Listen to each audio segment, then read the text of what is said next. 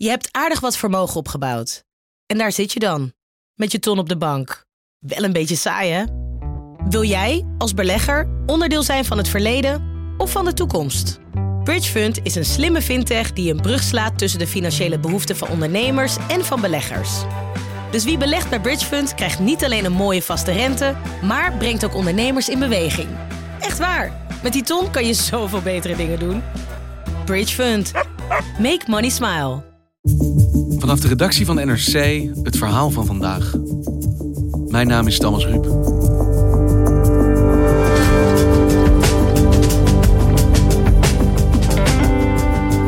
Met verbazing keek de wereld de afgelopen maanden naar Zweden. Dit land deed het anders. Geen strenge coronamaatregelen, geen boetes, plichten of verboden. Laat staan een lockdown. Dat kon daar. Maar nu worden de gevolgen zichtbaar en die vallen niet mee. Heeft de Zweedse aanpak gefaald?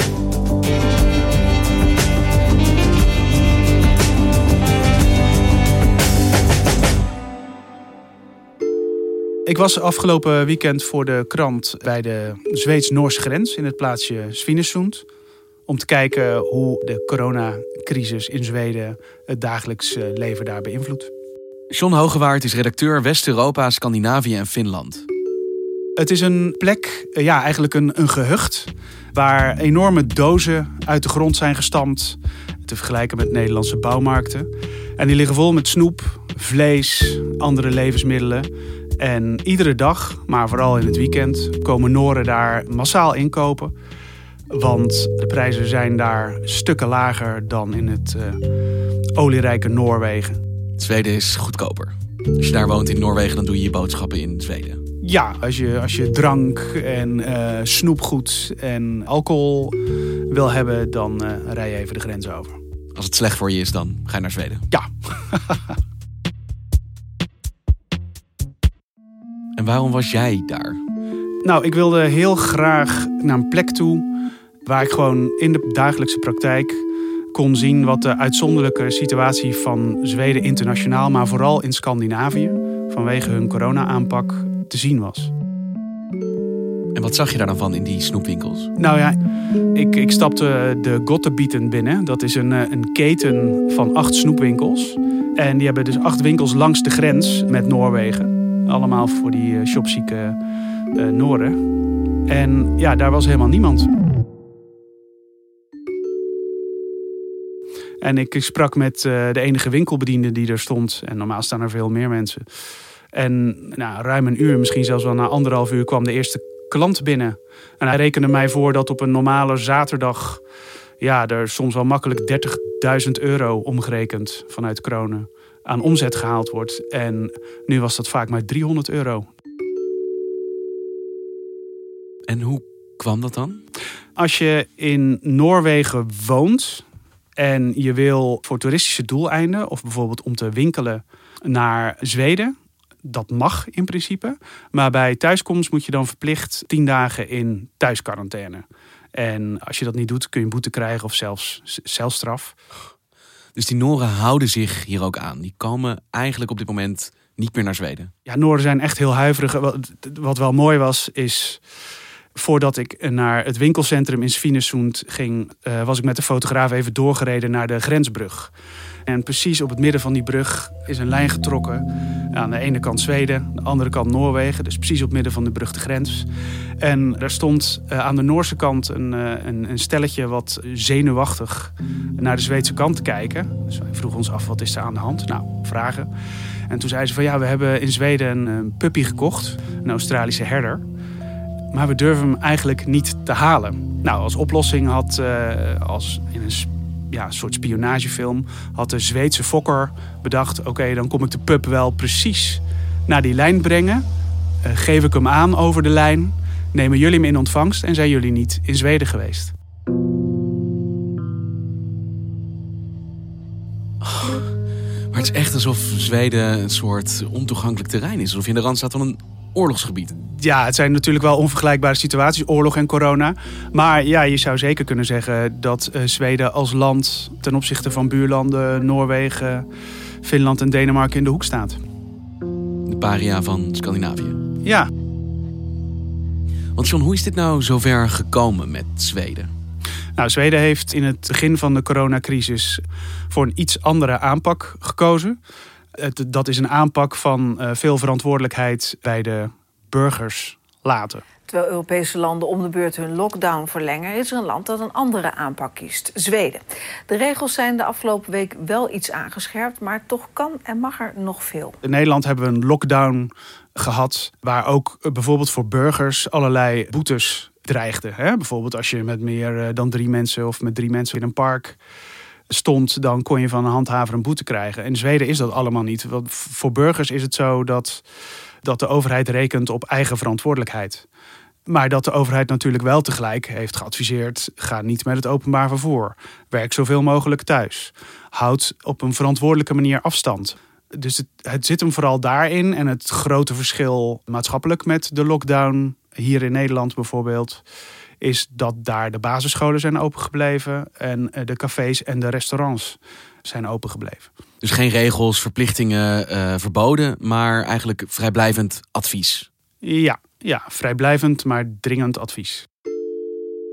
En welke situaties leverde dat op? Hoe werd er met dit advies, maar tegelijkertijd het gebrek aan verplichtingen omgegaan in Zweden? Hoe zag het er daaruit? Nou, wat het beeld in de buurlanden in ieder geval heel erg is gaan domineren, zijn de foto's die je ook in internationale media hebt gezien van uh, overvolle Zweedse parken van Zweden die gezellig op een terrasje zaten. Hier in Zweden kun je gewoon een terrasje pakken als je wil. I think it's nice that we don't have a full lockdown. If you just isolate yourself, then uh, life becomes very boring. I think this is gonna stay for a very long time, so uh, I don't think it's a solution to just have this total lockdown. We trust in this in this way of handling the crisis.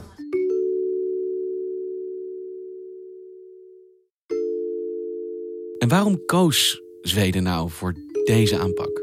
Want het is niet de makkelijke weg. Het is niet kijken naar anderen. Je kiest echt een uniek pad eigenlijk. Het Zweedse RIVM, hè, dat voor een groot deel verantwoordelijk is voor hoe uh, de aanpak is verlopen, die, die, die, had het idee.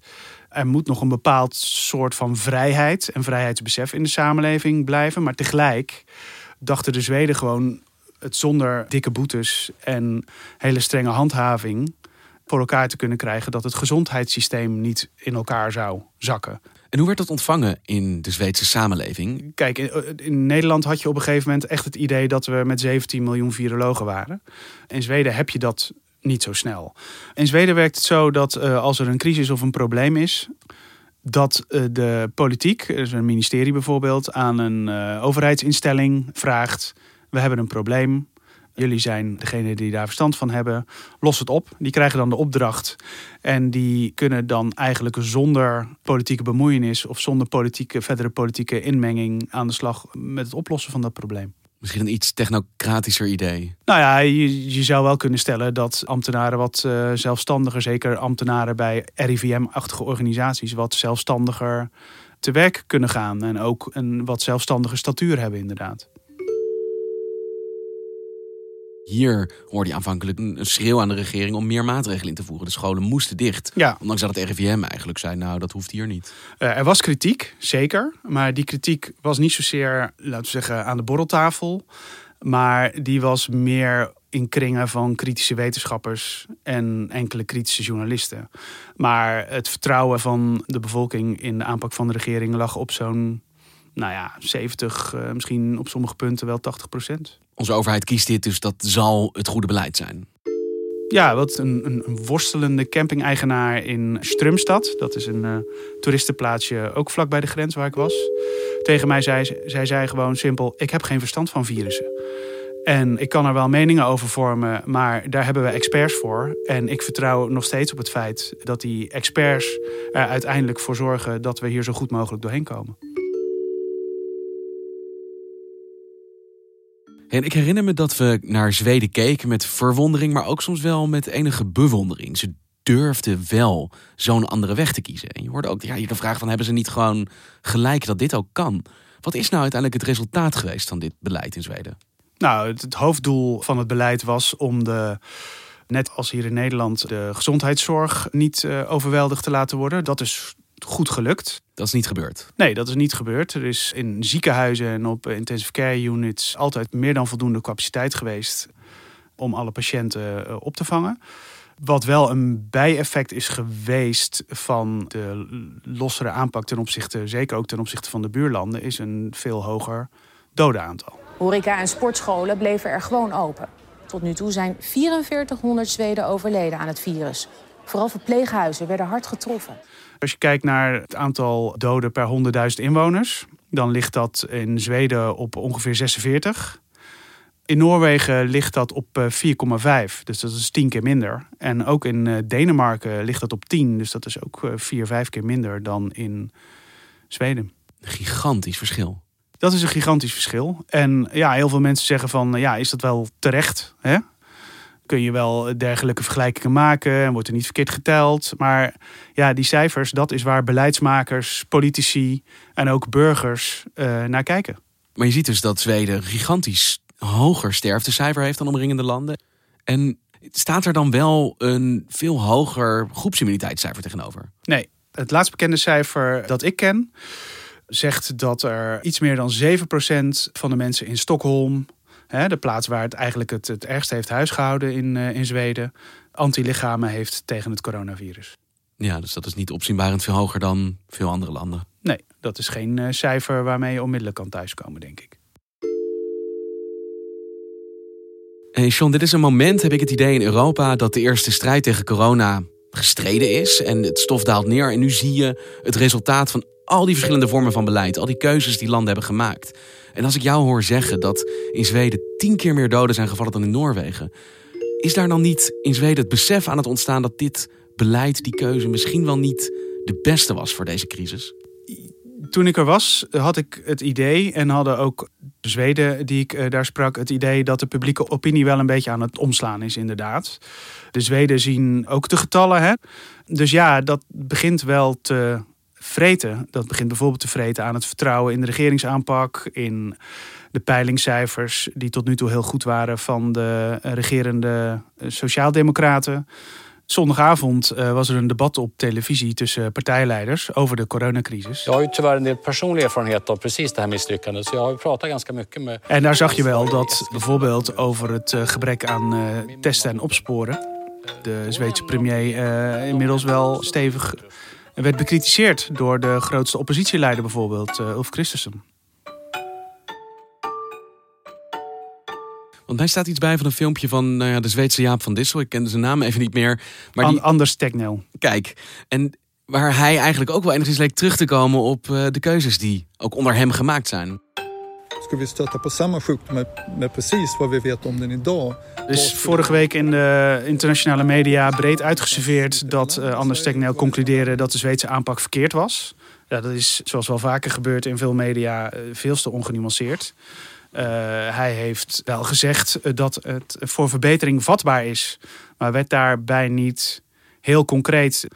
En in andere media-optredens uh, schaart hij zich nog steeds volledig achter de gedachte dat deze aanpak voor een groot deel ook goed was. We are still very happy with the basic strategy. It works well. Uh, we have a low level of spreading in society. Uh, we have an unfortunate very high death toll, but we are working on that and we see that is diminishing rather quickly. Dus de conclusie die in Zweden wordt getrokken is niet dit was gewoon een valikant verkeerde keuze. We hadden dit niet moeten doen. Nee, die conclusie wordt misschien nog binnenkort getrokken. Maar je ziet wel dus dat het bijvoorbeeld voor de politiek geen taboe meer is om kritiek te hebben op het regeringsbeleid en vooral de huidige aanpak. Hè? Van oké, we hebben relatief veel doden met onze wat lossere aanpak. Maar hoe gaan we nu voorkomen dat als we de geest weer terug in de fles hebben, dat die er niet nogmaals uitkomt?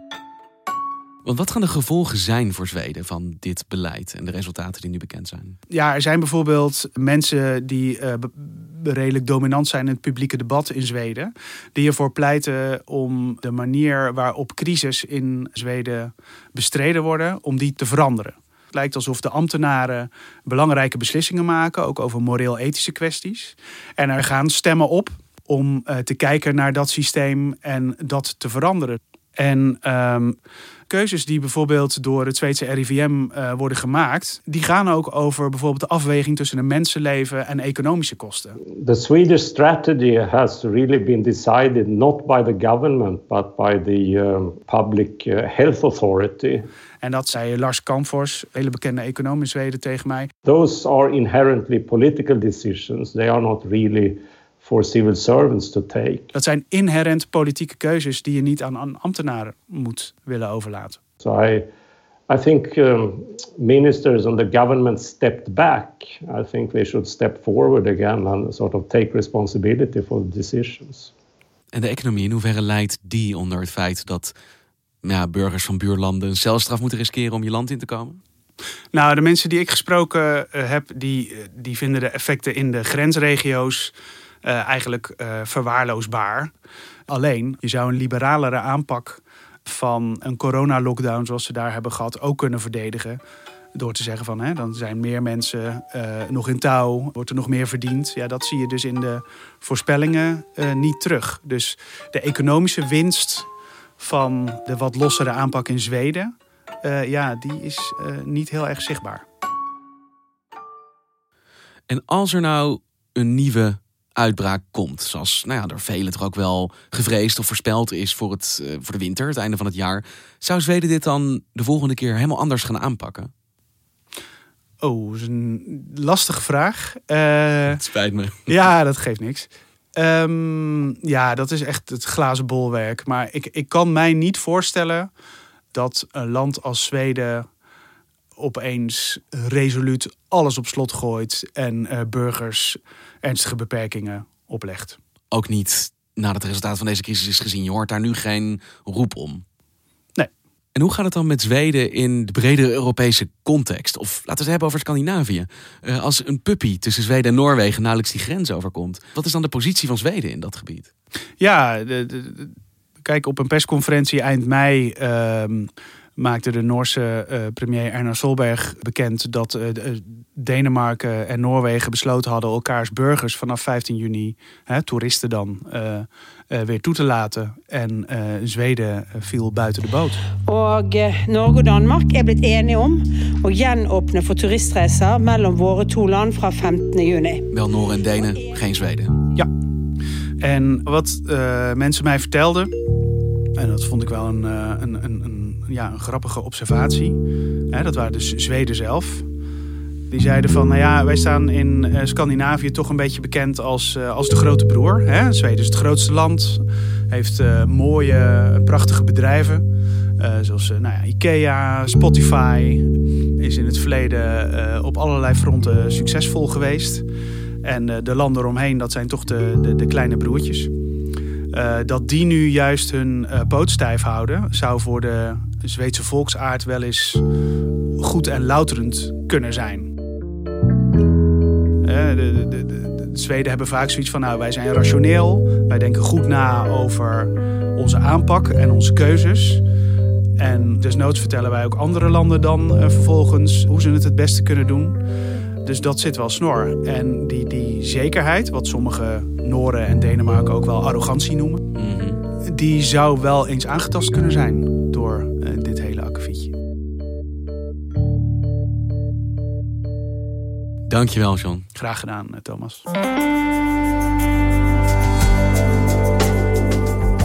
Je luisterde naar vandaag, een podcast van NRC. Eén verhaal, elke dag. Dit was vandaag, morgen weer.